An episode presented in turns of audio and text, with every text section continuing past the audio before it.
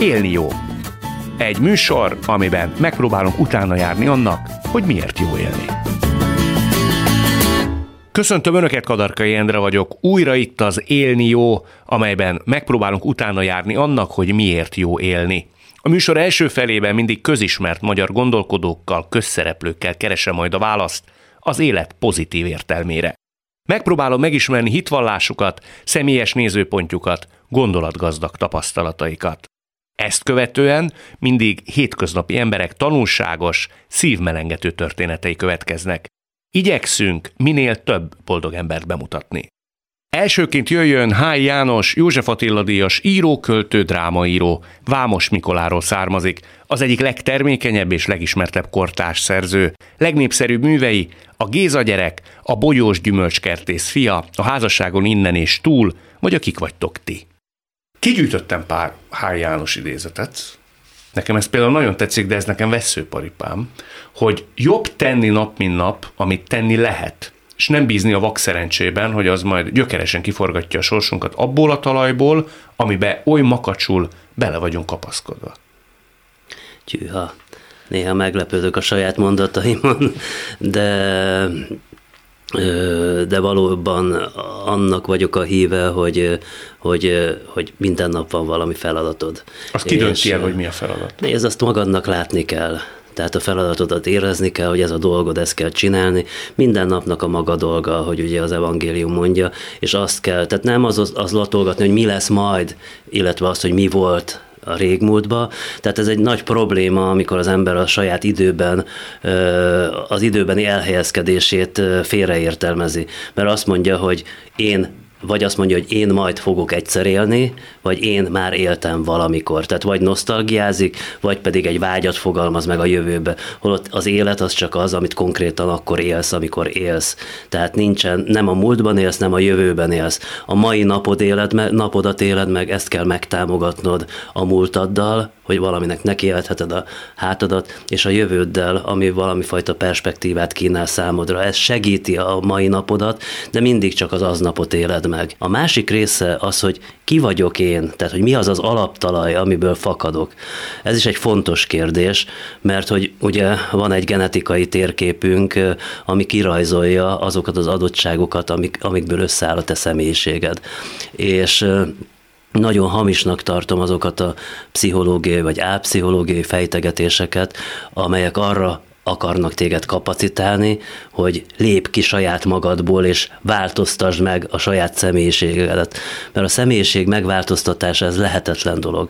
És, és attól érdekes a világ, mert ilyen ember is van, olyan is, meg amolyan is. Te egyfajta ember vagy. Ebben az emberben van egy tólig lehetőség, de a tóligon kívül az már nem a te lehetőséged, az egy másik ember lehetősége. Igenis az én személyiségemnek és az én életemnek van egy kompetencia tere, ahol a dolgok függenek attól, hogy én milyen vagyok. Tehát, hogyha én jobb apa vagyok ma, mint tegnap voltam, akkor az az én kompetenciateremben ö, egy hogy is mondjam, egy pozitív átalakítást hoz létre. Tehát ha, ha sok embernek a kompetencia tere javulna, mert javítható, ugye mindig lehetsz jobb apa, mindig lehetsz jobb, jobb szerelme a szerelmednek, mindig lehetsz jobb gyereke a szüleidnek, mindig lehetsz jobb a szakmádban, és így tovább, és itt lehetsz jobb a boltban, nem kiabálsz, nem veszekszel, nem kötekszel, és akkor az a kompetencia tér, amiben te mozogsz, az önmagában ö, javulni fog, és, és ezt minden ember el tudja érni, azt gondolom. Te például Szoktál is ilyesfajta önvizsgálatot tartani, hogy ebben és ebben a minőségedben miben kell javulni, hogyan tudnál korrekciót alkalmazni, és teszel is ezért? Hát abszolút, persze. Mondasz persze. is egy példát? Persze, hát mikor a nagyfiam kamaszodott, akkor én nem tudtam jó, jó apaként működni, és nagyon sok csörte volt közöttünk, ami mindig nagyon megkínzott utólag, és megpróbáltam utólag rendbehozni, bár Érthető volt, hogy én miért lettem ideges rá, és miért dühöttem be, de mégis ahogy működtem, azt utólag iszonyatosan szégyeltem. Hogy működtél? Hát mit tudom én, egymásnak rontottunk, arra is volt példa. Fizikailag? Fizikailag is kiabáltunk, üvöltöztünk, főleg én, mert ő a hallgatással hozta ki az ideget belőlem. De ő tényleg olyan dolgokat csinált, ami dühíthetett téged, vagy inkább ez egy ilyen kamaszos hegykeség volt, egyszerű lázadás? A fene se tudja, tehát abszolút nem, tehát kamasz gyerek szüle, szülőjeként nagyon nehezen tudod megítélni, hogy a dolgok, amikbe te belekeveredtél, azok milyen, milyen súlyúak. Csak valahogy azt érzed, hogy van egy iszonyatos bizonyos diszkomfort közted és a gyereket között. És akkor persze nem, nem tudsz ebbe jó fejként működni. Tehát nem, legalábbis én nem tudtam, és, és ahogy hallom anyukáktól és apukáktól, számtalanan küzdenek ezzel a problémával, hogy adott esetben utólag visszanézve piszlicsári dologért kitört egy, egy, egy, egy botrányos veszekedés. Ez egyébként lehetséges férj és feleség között is, hogy, hogy piszlicsári dolgokon vesztek össze. Persze azért minden veszekedés azért tör ki, mert valahol a mélyben valami nincs kimondva, érted? Valami nincs fölfejtve, és nem vagyunk őszinték egymáshoz. Te ezt hogy oldottad fel? Ezt a konfliktus közted és a férjhez? Ezt az idő feloldja, mert a gyerekek felnőnek. Úgyhogy... Tehát neki kellett változni ahhoz, hogy te már tudj szembenézni egykori szülői attitűdöddel, vagy volt egy konkrét pillanat, amikor észhez kaptál, hogy hello? Én folyamatosan észhez kaptam, de ez nem jelenti azt, hogy, hogy, hogy újra és újra nem, nem futja le az ember a rossz köreit. Addig, amíg azt tudod csinálni, hogy, hogy oda tudsz szólni a másiknak, és azt tudod mondani, hogy bocs, ne haragudj. Ez megtörtént esetetek? Ez, ez megtörténik. Az én esetemben más kapcsán is megtörténik, tehát én, én azt gondolom, hogy tudok bocsánatot kérni. Te mondd, ha már beszélünk, gondoltam, megkérdezem tőled, mert az nagyon uh, szerintem meghatározó pontja lehetett a te életednek, hogy neked volt egy ilyen hippi korszakod, amikor úgy lődörögtél, csavarogtál, mondjuk úgy, hogy volt rá esély, hogy te elkallodj. Te is ezt szoktad mondani, és egy lány mentett meg téged, ja. amely egy nagy szerelem volt. Hát mi a kérdés? Hogy ez igaz volt-e, vagy nem? Nem, hanem hogy más kell ahhoz, hogy valakit megmentsenek egy nagyon vészjósló szituációból? Egyrészt én abban hiszek, hogy ez a más, ez mindig mindenki mellett ott áll és abban hiszek, hogy az a mondás, ami segít téged valahonnét kievickélni, az mindig elhangzik, csak meg kell hallani. Igen, az volt, hogy én ugye gimiben leszerepeltem, és a gimi után nem vettek fel sehová sem, és valóban itt itt lébecoltam Budapesten, volt, hogy nem volt lak, lakásom, és akkor itt-ott aludtam, meg utcán aludtam. Az egyetlen ember, aki bízott bennem, ugye ez az Eszter volt, aki, aki gimnáziumi szerelmem volt, aztán a feleségem is lett, és ez nagyon-nagyon sokat jelentett, hiszen az ő révén mégis volt egy kontakt köztem, a lecsúszott arc, és a, és a nem tudom, a normális világ között, ahol a fiatalok egyetemre járnak, akik okosak, és, és, és tanulnak, és rendesen járnak az a vasárnapi ebédre, meg ilyesmi. Ő miket mondogatott neked? Nem, nem, nem kellett mondogatni, mellettem volt, mi, hát egy erős kapcsolat volt közöttünk. A, a vadhajtásaiddal, a, az esetleges elrontott életeddel együtt? Tehát ő pontosan tudta azt, hogy most te nem jóba vagy, de ott állt melletted? Ő úgy gondolta, hogy ez, ez csak provizórikus lesz, és ami igazából, amikor változást akart, például, hogy ne járjak el bulizni csak úgy, meg lébecolni, meg, meg, meg kocsmába, meg haverozni, az akkor volt, amikor a gyerekeim megszülettek, és az mondjuk egy, elég egyértelmű volt, hogy, hogy én onnétól kezdve másképpen fogok élni. Hát azért jó sokáig akkor kellő türelemmel viseltetett irányba. Jó, azért nem volt olyan, olyan iszonyatosan volt, tehát a gimi utáni időszak az két év volt, utána, amikor Szegeden voltunk lenn, akkor végül is együtt zajlott ez az egész ilyen bulizós időszak. De két évig tulajdonképpen ő a támogató bástya volt a te életedben. Hát elég erősen, hiszen ugye a, a szüleim abszolút úgy gondolták, hogy hogy mindenben, ami a gimnáziumban történt, én vagyok a hibás, a tanároknak csak igaza lehet. Mert hogy téged ott tulajdonképpen Hát rossz tanulóvá lettem, uh-huh. és néha, néha nagyon rossz tanulóvá is, hiába, hiába küzdöttem valahogy nem, egyszer nem találtam meg a, megmutatko, a jó megmutatkozásnak a lehetőségeit. Ma már szüleidnek adsz igazat? Tehát, hogy ott inkább ez a te felelősséged volt sem, mint a tanároké? Abban igazat adok, hogy ők nem tudtak másképp viszonyulni. Vidéki emberek voltak, egyszerű emberek voltak, az ő visszajelzésük, az ő visszacsatolásuk az az volt, amit a, az iskolától hallottak. Hogyha az negatív, akkor az, az ő reakciójuk természetesen ezt a negatívumot elfogadta, hiszen kire támaszkodhattak volna, ők is felnőttek voltak, a másik felnőttekre támaszkodtak, és úgy gondolták, hogy, hogy én akkor állhatom meg a, a helyemet mondjuk egy értelmiségi szituációba, hogyha már a gimnáziumban látszik, hogy a saját tehetségemhez mérten, amit ők vindikáltak nekem, azt gondolták, nagyon tehetséges vagyok, ahhoz mérten fogok teljesíteni, és én nem teljesítettem úgy, tehát az apám, aki elég pragmatikus gondolkodású volt, az ő számára az volt a következménye ennek, hogy nem szabad tovább ebbe a közegbe maradnom, mert én ott kudarcra vagyok ítélve. Tehát azt gondolta, hogy belőlem majd fantasztikus arc lehet, de tévedett. Van ilyen, hogy a szülők tévednek a gyerekei képességei kapcsán, és szegény így is halt meg, hogy én, az ő számára szerintem egy kudarc voltam. Ja. Ebbe te biztos vagy, hogy ezt így gondoltad? Ö, részben igen. Tehát ö, persze azt megélte, hogy nekem már volt diplomám, meg meg elkezdtem tanítani, meg megházasodtam, de azt, hogy az ő számára ez sokkal lejjebb volt, mint amely, ahová ő engem beárazott, mint gyerekét beárazott, mint vélelmezett tehetséget? Mint vélelmezett tehetséget, igen, igen. És ez nem irodalmi tehetség, félreértés tehetség, mert apám ki nem állhatta a művészetet. Tehát, hogy ő te tudtál volna te olyat villantani, amivel ő azt mondja, hogy vagy amivel szemben ő védtelen? Hát mondjuk az orvosi szakra, orvosnak tanultam volna, és mondjuk egy, egy kórházba sebészorvos lettem volna, ez, ez biztos tetszett volna neki. Tehát valami ilyen nagyon-nagyon egyértelmű dolog, amit ő, ő sokra becsült. Na de vissza oda, hogy azt mondod, hogy Eszter, hidd benned egyes egyedül. És az egy nagyon fontos mondat, hogy azt mondod, hogy szerinted minden bajban lévő ember esetén van egy mondat, vagy vannak emberek, akik mondanak mondatot. A kérdés az az, hogy ezt meghallja az illető. Ezt mire alapozod? Hát valahogy nekem ez az érzésem, hogy az, az én életem, ez a, ez a tapasztalata az életemnek, de egy biztos, hogy az, aki a mondatot mondja, vagy az, aki melletted áll, nem tud helyettet cselekedni. Tehát a cselekvés és a döntés az mindig a te cselekvésed, a te döntésed, természetesen a kör, körülmények mérlegelésével. De én azt gondolom, hogy még a legszűkes, legszűkösebb élethelyzetekben is vannak döntés lehetőségek, és, és ha tudsz dönteni, az, az mindig jobb, mint hogyha nem döntesz, hanem, hanem a döntések között ingadozol.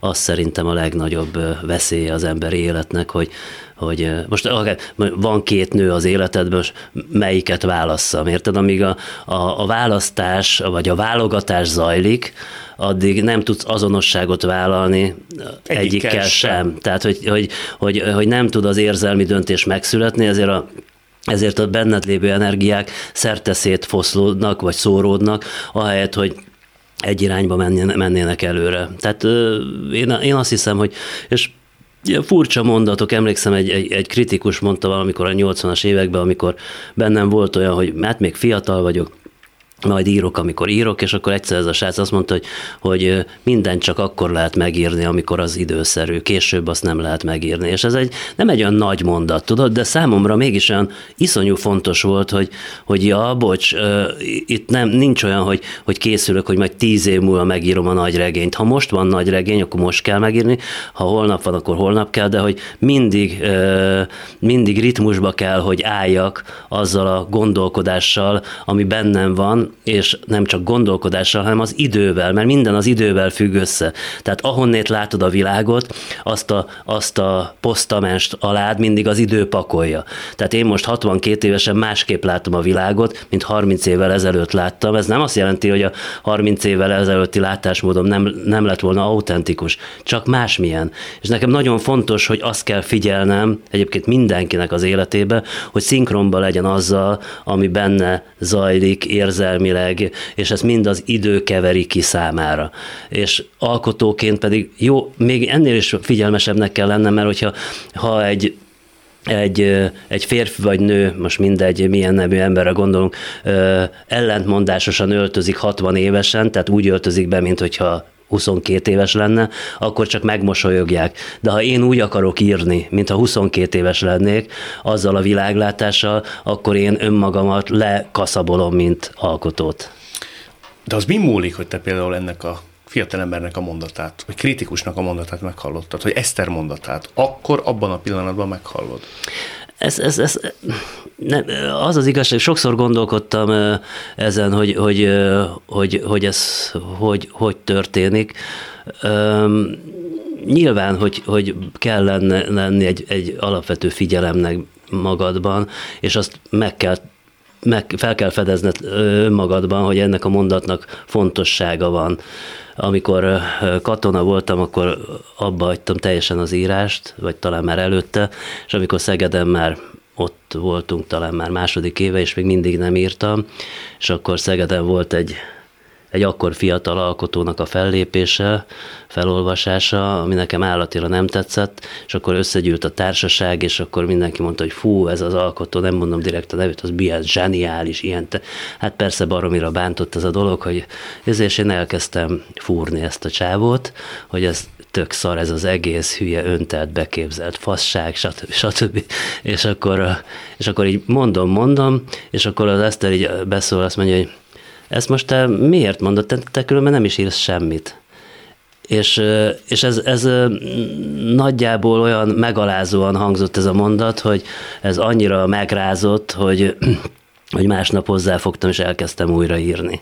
Szóval, szóval, hogy éreztem, hogy tényleg tényleg a düh, az irítség, a rossz indulat beszél belőlem a, kollégá, a későbbi kollégámmal szembe, vagy írótársammal szembe, de én nem írok, tehát azért van csak indulat bennem, és azért van csak rossz, rossz májúság bennem, mert én nekem nincs semmim, nincs semmim, amit fel tudnék mutatni.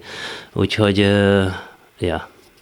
Hát ugye Eszter nagyon jól bánhatott veled, vagy jókor jó mondatokat mondhatott neked. Hát mikor, miért. ja, azon gondol... A feleségtől túl sokat ne várj azért.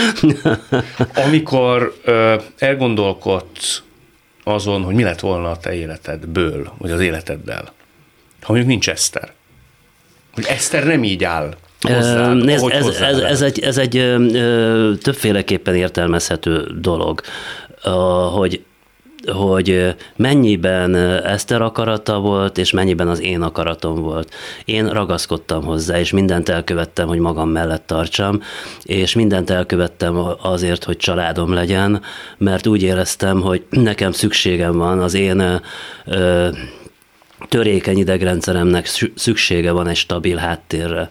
Tehát ha akarom, a, a családot onnan is tudom értelmezni, hogy ez kellett ahhoz, hogy én író tudjak lenni, vagy tudjak maradni. Ugye a műsor címe az, hogy élni jó.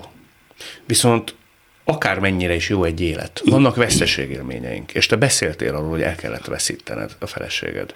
Arra neked ennyi idő után van valamilyen saját magad számára kialakított, vagy megácsolt ideológiád, hogy hogy lehet mindezt túlélni, és hogy lehet, ha lehet transformálni mindezt úgy, hogy az élet végső soron tud szép lenni mindezek dacára. Uh-huh. Hát nézd, egy biztos, nem tudok receptet kínálni senkinek sem, ezek mind nagyon-nagyon húzós dolgok, amikor az ember embernek temetnie kell. Egy biztos, hogy, hogy az, egy hamis út, hogyha azt gondolja az ember, hogy a, a fájdalmait ki tudja iktatni önmagából. Ez is egy nagyon fontos dolog, azt mondod, hogy élni jó, erről szól a, ez a műsor. Élni csak úgy jó, hogy, hogy nem csak a, a mosolygós felét látod a történetnek, hanem a szomorú részét is, tehát minden botnak két vége van. És az az, az igazság, hogy nincs csak mosolygós fel a, a, az életnek, mert abban a pillanatban elveszik az a skála, ami, ami a, a fájdalomtól az örömig tart, tehát ezen a skálán mozgunk, ez egy érzelmi skála. Hogyha azt mondom, hogy kiiktatom a fájdalom részét a dolognak, nem marad meg a, a, az öröm része sem, mert azzal együtt kiiktatom magát az eleven érzék, érzékelést az életemből, érzelmi érzékelést. Kiiktatom magamból ezt a skálát. Tehát, hogyha nem tudjuk, milyen a keserű, nem tudjuk megkülönböztetni az édes sem. Igen, igen, igen. Azt gondolom, hogy, hogy az örömre való fogékonyság az pontosan ugyanabból a talajból fakad, mint a fájdalomra való fogékonyság. És a te célod az kell legyen, és, és akkor, akkor jó élni, hogyha te erre a skál, erről a skáláról, erről a fájdalom-öröm skáláról soha nem térsz le Mert abban a pillanatban, hogy azt mondod, már eleget fájt, már elég volt nekem, onnétól kezdve te beszürkíted magad, és, és, és megölöd magadba az érzékelést tulajdonképpen.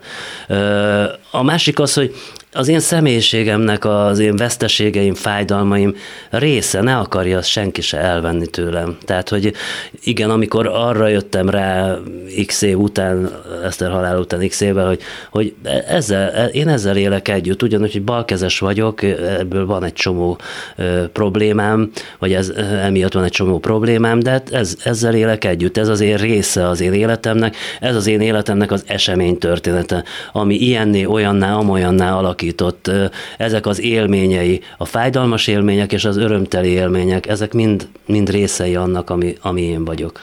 Azt írod egy helyütt, a rossz kedvbe is bele tud fáradni az ember, és akkor riprops teljesen indokolatlanul jó kedve lesz. Van olyan, hogy az embert eluralja a rossz kedv, a keserűség, a mélabú, és egy kedről szerdára virradó reggel föl kell, és már nem olyan rossz? Elmúlik? Hát abszolút van, és az ember, tehát, tehát én hajlamos vagyok, hogy így a rossz kedve így bebútorozom magam. Tudod, mint hogy a tévé elő oda mész a paplannal, aztán bebújsz, jaj, de jó meleg van. És akkor már megszoktad ezeket a rossz dolgokat, és akkor azt várod, hogy mindig gyűjtöd, ugye? Akkor arra vagy ö, reagens, hogy ma milyen rossz történik, és rögtön észre is veszed, hogy ma ez a rossz, az a rossz, az a rossz történt, és a, a jót azt nem is kalkulálod. És akkor jön egyszer egy nap, kimész az utcára, az az átkozott tavaszi nap persze fönn az égen, és hirtelen úgy érzed, hogy hol van van azért jó kis rossz kedvem. És, hát, hát, hát igen, igen, ez nem igazságos.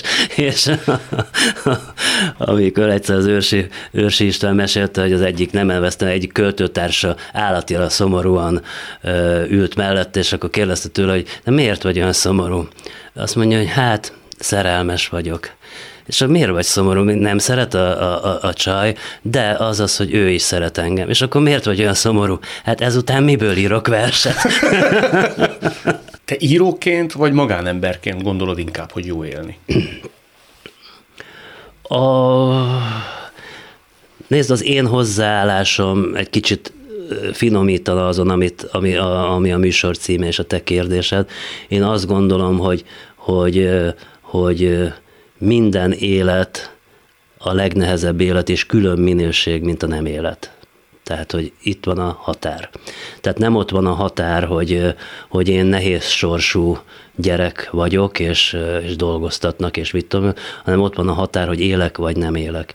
És én azt gondolom, hogy ilyen szempontból magánemberként és íróként is azt gondolom, hogy a, az élet egy alapvető megbecsülést érdemel mindenkitől, aki él. Tehát ez a legértékesebb dolog, amivel rendelkezhetünk a világba. És ezt teszi lehetővé, hogy az életed minőségét ilyenné, olyanná alakítsd, vagy éld meg úgy, ahogy, ahogy neked jó, vagy vagy úgy, ahogy, amiben otthon érzed magad. Az ilyesfajta filozófia miből táplálkozik? Te annyira szeretsz élni, vagy voltál a létnek egy olyan határán, amikor meglegyintett esetleg az is, hogy lehet, hogy jobb nem élni, ám de mégis rájöttél arra elég nagy felkiáltó jellel, hogy az életnél nincs jobb. Hát igen, meglegyintett, és biztos meg is fog legyinteni a, a, a nem életnek a, a, a problémája. De ez milyen élethelyzetben tart rá?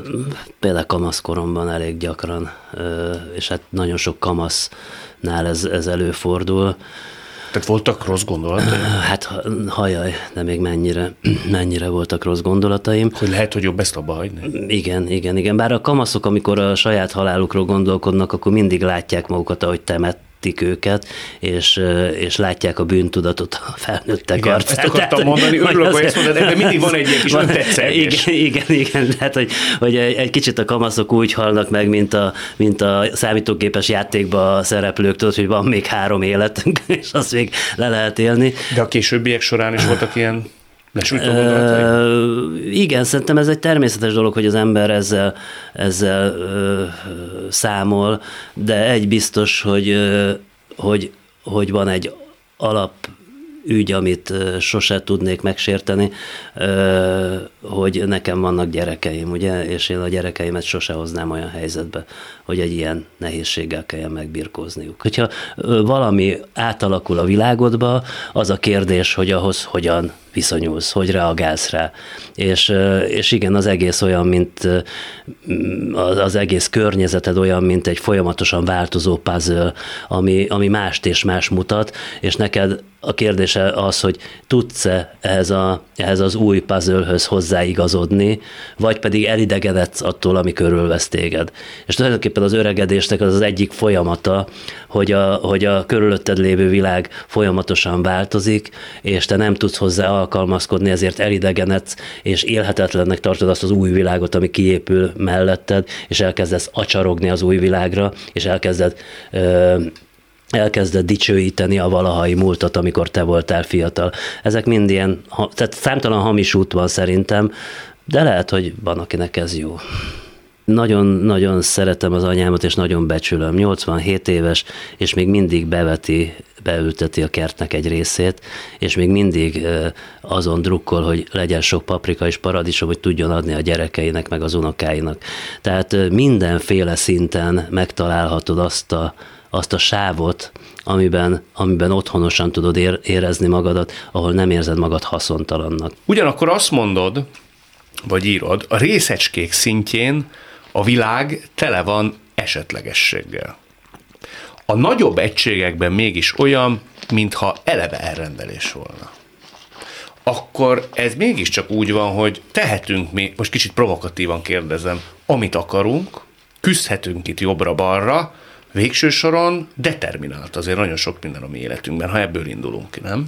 Ez biztos valamelyik szereplő mondta, úgyhogy nem biztos, hogy ez az én igazságom. Az ember mindenképpen szeretne egy rendszert látni maga körül, és az egyik rendszere megdől, mert mondjuk, mondjuk az Eszter és köztem úgy volt megállapodva, hogy én halok meg, mert ugye én egészségtelen élek, ő meg egészségesen élt. De ez egy ilyen hallgatólagos megállapodás? Nem, ez meg volt beszélve. Megbeszéltétek? Igen, igen, igen. De az igen. hogy néz ki egy ilyen beszélgetés? Hát úgy, hogy Hát, hogy így, így, ahogy most mondom neked, hogy majd én fogok előbb meghalni, ne enged, hogy beszédeket mondjanak azért néha hanem úgy temesedek el, mint a mindenkit eltemetnek. Például ez nekem fontos.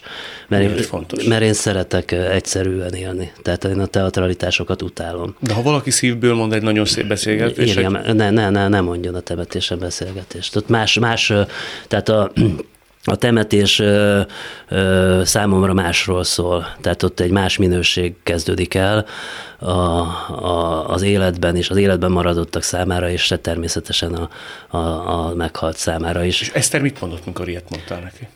Hogy ő is utálja a teatrális jeleneteket, és akkor így fogja csinálni. Aztán, aztán tehát, hogy, hogy, hogy minden logika azt mutatta, hogy ez a rendszer fog működni, de nem ez a rendszer működött, hanem egy másik rendszer, és akkor az ember újra fölépíti, különösen a férfiak hajlamosak ilyen, ilyen logikai konstrukciókat létrehozni, de, de nem tudunk anélkül élni. Tehát nem tudok anélkül élni, hogy, hogy ne árazzam be magam körül a világot. Csak mindig azt a korrekciót hozzá kell tenni, hogy ezek nem kőbevésett parancsolatok. Ezeknek a, az ingatagsága az mindig ott van a, a, a, a, felszín mögött. Iszonyatos nagy, nagy csapások történnek, nekem két nagyon közeli barátom halt meg nem olyan régen, és, és mégis képes vagy az életben maradók erejével újra értelmezni az életedet, és, és ez belénk van kódolva. Amikor ezt elhagyod, azt, hogy, hogy, hogy igenis fel kell kelnem és csinálnom kell a dolgomat, akkor, akkor van vége a, a történetnek. A nagyapám mesél mindig eszembe jut, hogy azt mondta, hogy a fogságban, ami elég hosszú volt neki, mindig tudták, hogy ki lesz a következő halott. És azok voltak a következő halottak, akik lemondtak arról, hogy a minimális lehetőségek szerint tisztálkodjanak, rendbe tartsák magukat. És, és valóban itt kezdődik az élet, hogy elindítod-e a reggelt, megcsinálod-e. Az ember sokszor kell föl rossz kedvel, ugye és, és, és rossz paszban, és mit tudom micsoda, de a lényeg az, hogyha elindítod az életet, akkor az élet elkezd önmaga is működni benned, és, és felkészít arra a napra, és cselekvőképessé tesz, és, és lehetőséget biztosít arra, hogy, hogy, hogy legyen benne jó vagy rossz, de valami legyen. Tehát nem jót és nem rosszat kell akarni, hanem valamit akarni kell emlékszem, egyszer néztem második Vilmos szobrát valahol Németországban, egy lovas szobor volt, és, és akkor így az jutott eszembe, hogy úristen, de elcserélné második Vilmos ezt a rohadt nagy szobrot két nap életér. és mindannyian így vagyunk, hogy, hogy, hogy, hogy, hogy két nap életére elcserélnénk mindenfajta halálunk utáni dicsőséget. Nagyon szépen köszönöm. Köszönöm szépen. A húrok a hangszerek nem mindenkinek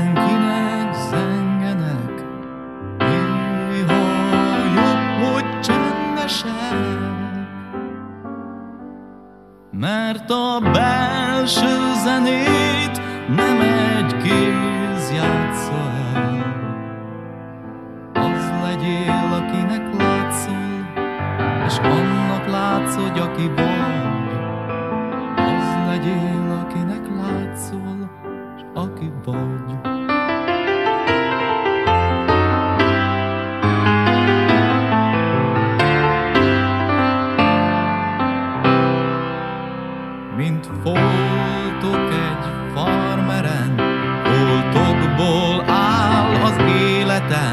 Mint foltok egy kobott farmeren. De egy színes rongy nekem nem sokat mond. Az legyél, akinek látszol, és annak látsz, hogy aki vagy. Az legyél, akinek látszol, és aki vagy. Háj János után jöjjön Kis Mária, aki nem hagyja, hogy bármi is elrontsa a kedvét, pedig lehetne akár mélabús vagy hitehagyott is. De őt nem ilyen fából faragták. Figyeljék csak! Azt mondta rólad egyszer egy barátod, hogy te egy szeretett zsák vagy. Igen. De ezt többen mondták, nem, nem, úgy többen mondták, hogy, hogy, hogy én az vagyok, egy nagy szeretett zsák. Az Igen. mit jelent? Hát, hogy, ö, hogy, hogy az ember ad, tehát, és szívesen ad, és hát szeretetet ad, tehát nem fogy ki, nem fogy ki, ha hozzám fordulnak, ha más nem tudok, meghallgatom, és, és valahogy, hát azt mondták, hogy ez sugárzik rólam, hogy, hogy hogy, hogy árad belőlem, én ezt nem tudom, de, de, de tény az, hogy, hogy ez egy jó dolog, jó érzés. Jó érzés adni? Igen, igen. Miért jó? Um, lehet, hogy ez egy, azt mondják a nagyokosok, hogy ez egy önzés is, mert hogy mi azért adunk állítólag, hogy örüljünk annak, hogy a másik örül, de hát ez nem önzés, hanem az, hogy nekem jó látni, hogy az, amire én képes vagyok, amit tudok adni, az neki örömet okoz. És, és ez tényleg nagyon jó dolog. Megfejtetted ennek az okát? Biztos, hogy én ezt gyárilag hoztam magammal, ezt a, ezt a szeretett csomagot, nem tudom másképp mondani. És, és ez soha nem fogy el. Soha nem soha fogy el? Nem, fogy nem volt el. még olyan, hogy azt mondtad, hogy ez most már terhes, ez most már véges, ezt én már nem fogom tudni. Nem, mert, mert mind, nem mindig ugyanazokra ö, irányul, tehát akinek szüksége van rá. De téged úgy kell elképzelni, hogyha nem tudom én, esetleges módon találkozol valakivel, és látod rajta, hogy nincs jó állapotban, akkor te Mhm. elkezdesz vele beszélgetni? Én meg szoktam kérdezni, hogy jól van-e. És érdekel a válasz is, te az a típus vagy. Hát, most akkor miért kérdezném meg, ha nem érdekelne? De ott maradsz vele még fél órát, és ápolgatod a kicsi lelkét, ha épp baj van? Hát, hogyha ha szüksége van rá, és van időm. Azt mondtad, hogy nem egy boldog családba pottyantál, az mit jelent? Nem. Um, anyukám kommendálásra ment férhez az apámhoz, mert a vőlegénye meghalt a háborúba, és nem akart férhez menni. Kommendálás az, az hogy így a ajánlanak, ajánlás. Igen. Uh-huh. És, és hát állandóan piszkálták őt, hogy, hogy család szégyene lesz, meg minden. Tizen voltak testvérek, öt fiú, öt lány és család szégyene lesz, öreg lány, stb. stb. Ha nem kell el. Igen, és akkor azt mondta, hogy jó van, akkor az első, akit beajánlanak neki, lehet az drótostót is, az jó, akkor ő akkor hozzám megy, hogy ne legyen családszegyene, tehát nem, nem, nem szerelmi házasság volt. Ő volt a te apukád aztán? Igen, és aztán e, kiderült, hogy egy csomó adóssága volt, és hát e, e, amit lehetett, ugye, hogy a, a, akik, a, hogy az adósságait törlesz, hát felvizezte otthon a bort, lisztet lopott, meg mit tudom én, szóval itt kvázi tönkre tette így a családot. Ebből és... fakadóan anyukát soha nem volt igazán boldog. Hát nem, nem. Mi, mi, mi aztán én aztán tettük őt boldogá, és, és... Már amikor nagyobbak lettek. Igen. És először, amikor ott akarta hagyni a, a férjét, tehát az én apámat, akkor a, az apja szíjjal verte vissza őt, hogy nem. El se jött megnézni, hogy milyen körülmények között él. Tehát amikor el akart válni Igen, anyukád, először haza akart menni, a ott te akarta hagyni. szíjjal verte igen, el, igen, hogy, még... vissza, azzal zavarta vissza, meg is lehet, lehetett látni a fején a, a szécsatnak a nadrágszínnak a csatjának a helyét, és hát tényleg nagyon-nagyon, hát azt mondta, hogy alig, alig volt mit enni nagyon sokszor, és, és hát már nem bírta tovább, és rá egy fél évre, vagy egy évre um, szívideg összeomlást, vagy szívideg gyulladást kapott, és na, akkor értesítette az apám a, a anyukám szüleit, és, és akkor jött el először megnézni,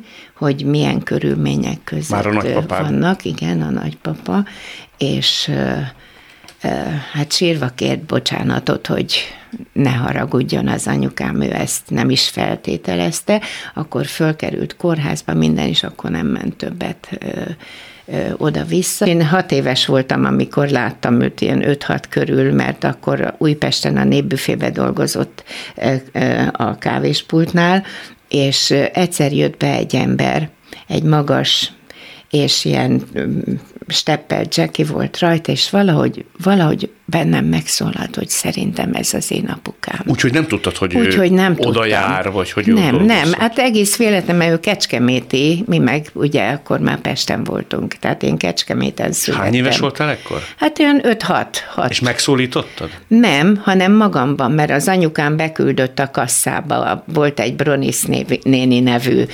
kolléganője, hogy én azonnal menjek oda a pénztárba, és bújjak el. Tehát, hogy ne lásson meg az apám. De meglátott, mikor mentem.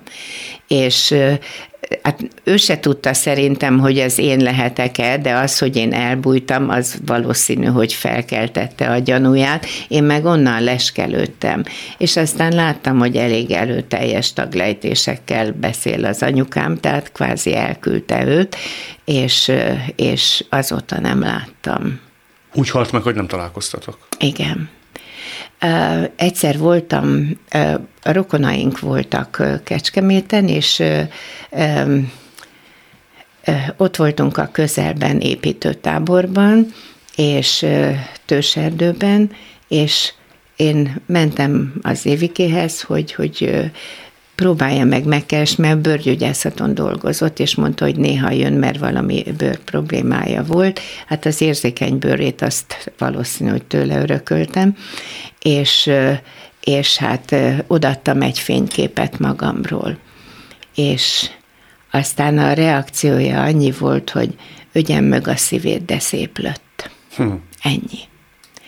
Úgyhogy és ez mindig hiányzott. Nagyon, nagyon. Hogy ezt mondogassák nekem? Nem, hanem hogy apám legyen. Igen? Igen, igen. És, nem is volt olyan, aki a helyére lépett? E, hát nem. Nem. Viszont neked azt mondogatta a család, vagy gyerekkorodban, hogy nem viszed semmire. Azt nem úgy, hogy... cseléd leszel. Nem, ezt nem a ne. család mondogatta, nem az anyukám, hanem ak, ö, amikor feljöttünk Pestre, ugye akkor én két éves múltam. Az egyik nővére, aki, aki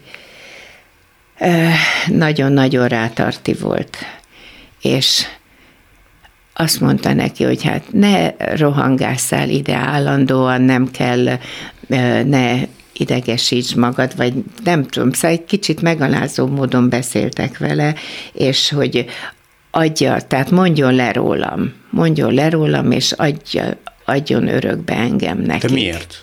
Azért, mert az, ő mondta azt, hogy mire nevelnéd föl cselédnek.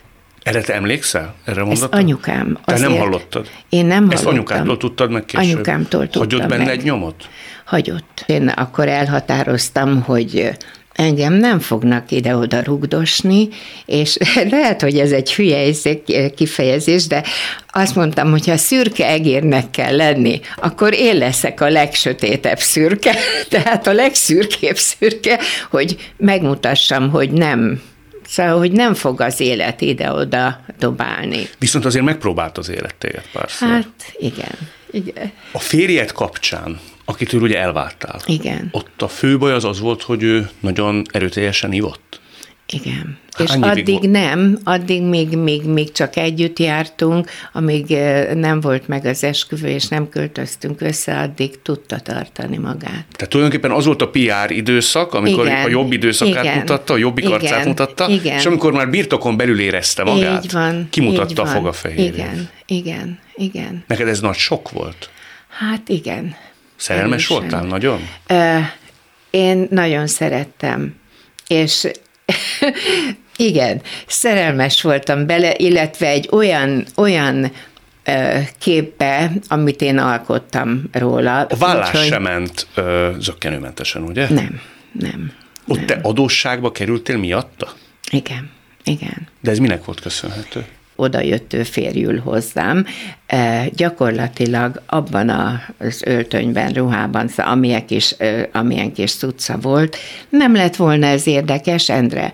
Ő csinált egy ilyen széles heverőt, az volt a, a, az ö, ágyunk, és ö, ezen kívül semmit. Amikor már úgy döntöttem, hogy nem megy tovább, akkor e, azt mondta, hogy oké, okay, lehet, hogy te meg a gyerek mentek, amerre láttok, és én itt maradok, vagy a gyerek marad itt velem, és akkor te mész, amerre látsz. És már pe, hogy ő nem adja, nem adja ingyen a bőrét, vagy nem tudom. Amit te valamit. kaptál, tehát amit, az a te lakásodon. igen, igen. Gondolom te mentél el, Én, igen, és értékcsökkenéssel kellett kisebb lakásokból a nagyobbba, igen. ugye? De őt ki kellett fizetnem, az akkori törvények között 200 ezer forintot kellett neki fizetnem. De azt honnan teremtetted meg? Kölcsönből. Kölcsönből. Kölcsönből. És azt és nem, kell- is egy hely, nem is egy helyről szedtem össze. Mennyi idős volt akkor a fiad? Uh, nyolc, uh, három éves volt. Tehát mert egy- 83-ban váltunk el, hát már negyedikben, mert ugye 79-ben született. Ja. Tehát neked el kellett őt tartani, megteremteni ennek az egzisztenciáját egyedülálló anyaként, Igen, igen, igen. és még kifizetni ezt a kölcsön. Igen. Ez meddig igen. tartott? Hát, hogy mondjam neked, ez egy majdnem egy ilyen 7 éves odüsszea volt. Most gondold el, hogyha ilyen lennék állandóan, mert hogy engem mennyire sújt az élet. Hát utólag az ember rájön, hogy minden tanít valamire. Tehát minden, mindenből ö, ki tudsz jönni előbb-utóbb, ki könnyebben, ki nehezebben. Hát, nem mindenki tud kikeveredni, és, nem? Hát, Van, aki belesüpped. Felemészti, felzabálja a baj. Hát igen, de úgy látszik, hogy, hogy bennem nagy az életakarás, nagy volt az életakarás, és hogy felelősséggel tartoztam egy életért. Akkor sem ingott meg ilyen értelemben a derűd, mm. a harmóniád, amikor betegséget diagnosztizáltak nálad? Jó, egy nagyon-nagyon megijedtem. Ez mi Nagyon. volt pontos? Ez 11, ugye? 2011? Igen, igen, meldaganat. Igen. Mennyire volt súlyos? Hát, olyan, hogy el kellett távolítani. Egy ilyen, ekkora ilyen eperszerű volt benne, és mit nem mondjak, tényleg az van, hogy, hogy, hogy pont, pont a fiamnak a szülinapján kaptam meg a diagnózist, ugye, mert ő jött el velem a sejt mintavételre, meg még egy, egy szűrésre is, és de ő is mondta, hogy nyugi, mami, minden, minden rendben lesz. És miután ez, ez a fajta daganat, ez nem hormon eredetű volt, hanem egy úgynevezett HER2 pozitivitás, ami egy agresszív, agresszívebb fajtája a daganatnak. A doktor úr azt mondta, hogy nálunk még nincs meg az a fajta ilyen fagylaltos kanálhoz hasonlító szerszám és az hozzávaló eljárások, hogy ezt ki lehessen emelni, annélkül, hogy bármi e, visszamaradna. E, a legbiztosabb módja a gyógyulásnak az eltávolítás. Nagyon megrendített? E, Hát gondolj bele, mikor az egyik vitorlád eltűnik. Hm. szóval a, a, az embernek a, a, a nőiesség szimbóluma, még akkor is, ha már 60 éven fölött vagy, azért az csak, csak kellemetlen. Hogy tudtál mindezen aztán túllendülni és megtalálni ebben is azt, hogy hogy lehet ezt helyre tenni? Hát ez talán, talán a, a barátaim, családom, mármint a fiam tudná elmondani, de tényleg nem tudom.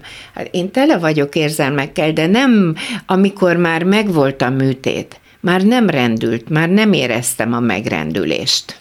Nem, szóval nem, mert, mert azt mondtam, hogy sikerült, igenis, megmaradok, és élem tovább az életemet. Azt se kezdte ki? A te harmóniádat csak ide tudok kiukadni, hogy aztán te, aki utaztál, szerettél jönni-menni, most Igen. már korlátozva vagy és bottal vagy kénytelen közlekedni? Hát meg kell ezzel békülni, Endre, hát oh, könyörgöm, ha ezen rinyálnék, előfordul. Előfordul, hidd el, hogy nagyon sokszor, hogy édes jó Istenem, hogy mi a bánat, hogy, hogy, hogy mit csinálják, hát ezt se tudom csinálni, azt se tudom csinálni, de akkor mindig az van, hogy de hát a lényeg az, hogy vagyok, hogy élek, és, és ami, ami úgy jobban bánt, hogy nem tudok annyit segíteni a, a unokáimmal, tehát nem tudok annyit jönni-menni velük, hogy a szülőket egy kicsit segítsem, de, de a fiam azt mondta, hogy mami, az a lényeg, hogy vagy, és amikor, amikor ö, kell, el tudjuk vinni hozzá, tudsz rájuk vigyázni, tudsz itt is lenni velük. Arra te rájöttél, ennyi minden után, hogy mi fontos az életben? Mi az, aminek mi olyan nagy jelentőséget tulajdonítunk, de mégsem annyira fontos? Hát gyakorlatilag, ami, ami fontos, az lehet, hogy nagyon patetikusan hangzik, de tényleg a szeretet és a megértés. Az, hogy, hogy tudjál, tudjál kihez szólni, tudjál beszélni valakivel, ha szükséged van rá, tudjanak hozzád fordulni, ha szükség van rá. Tehát, hogy ne legyél magányos. Igen, igen, igen. Úgyhogy, de nem is érzem annak magam.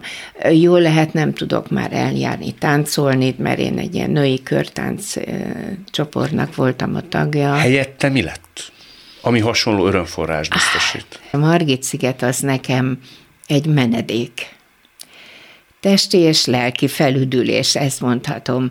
A, a földillata eső után a platá, imádom a platánfákat, nem, nem, el is neveztem őket, ami ott közel van a, a szabatéri színpadhoz, egy hatalmas nagy 250, mét, 250 éves platánfő, a királynő.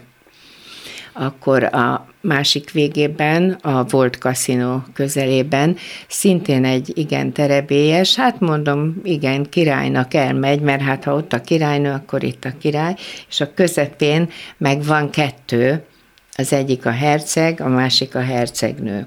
Tudnilik, én azt észrevettem a platánfáknál, hogy azzal együtt, hogy eszméletlenül terebélyesek, ugye, és hát gondold el, hogy az a hatalmas, erős fa, mi mindent látott már eddig, és Hát többször megölelgettem. De Megölelgetted? Hát, hát persze, hát nem tudom átölelni, de neki támasztom magam.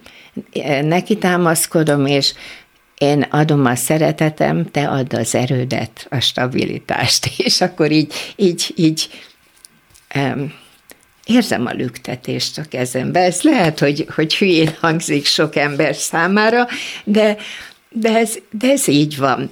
És én még azt szeretem különösen a platánfákban, hogy nagyon toleránsak és azért neveztem ezt a, ezt a két fát hercegnek és hercegnőnek, mert viszonylag közel vannak egymáshoz.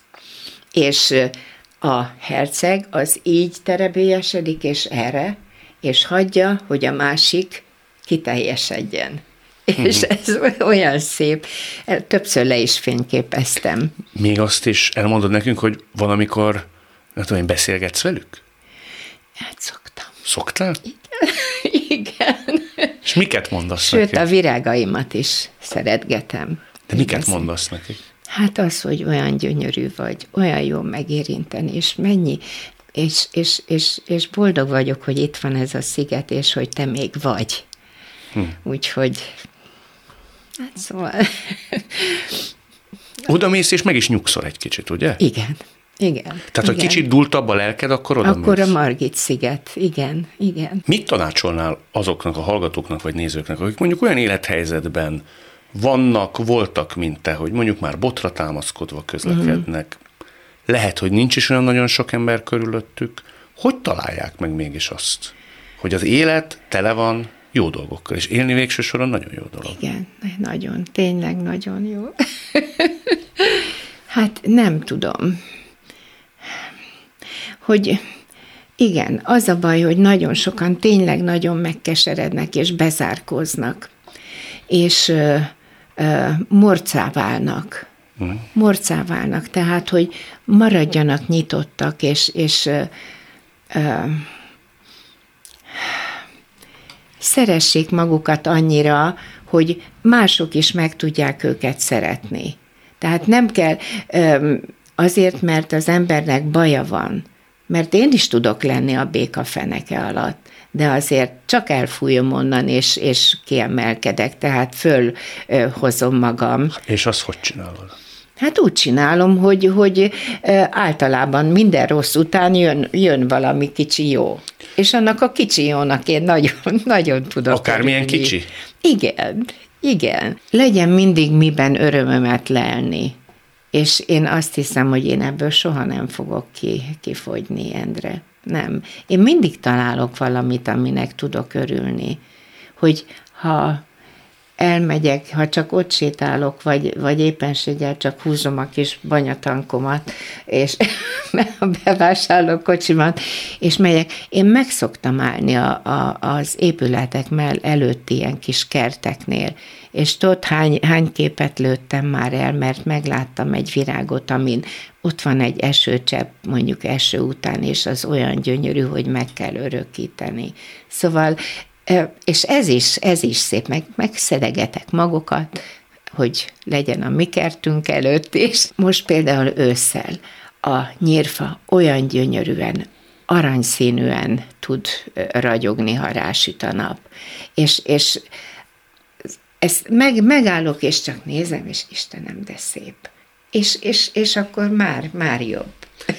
Azt kívánom, hogy ezt a képességet soha ne veszíts, de erre azt mondod, hogy ez belőled valószínűleg soha nem fog elfogyni. Hát én bízom benne, hogy nem Én- fogy el. Én meg úgy láttam, hogy biztosak is lehetünk benne. Nagyon köszönöm. Szívesen. Azt hiszem, azzal mindkét vendégem egyetért, az élet, legyen az bármennyire is problémás vagy nehéz, különb minőség, mint a nem élet. Mert hogy élni jó.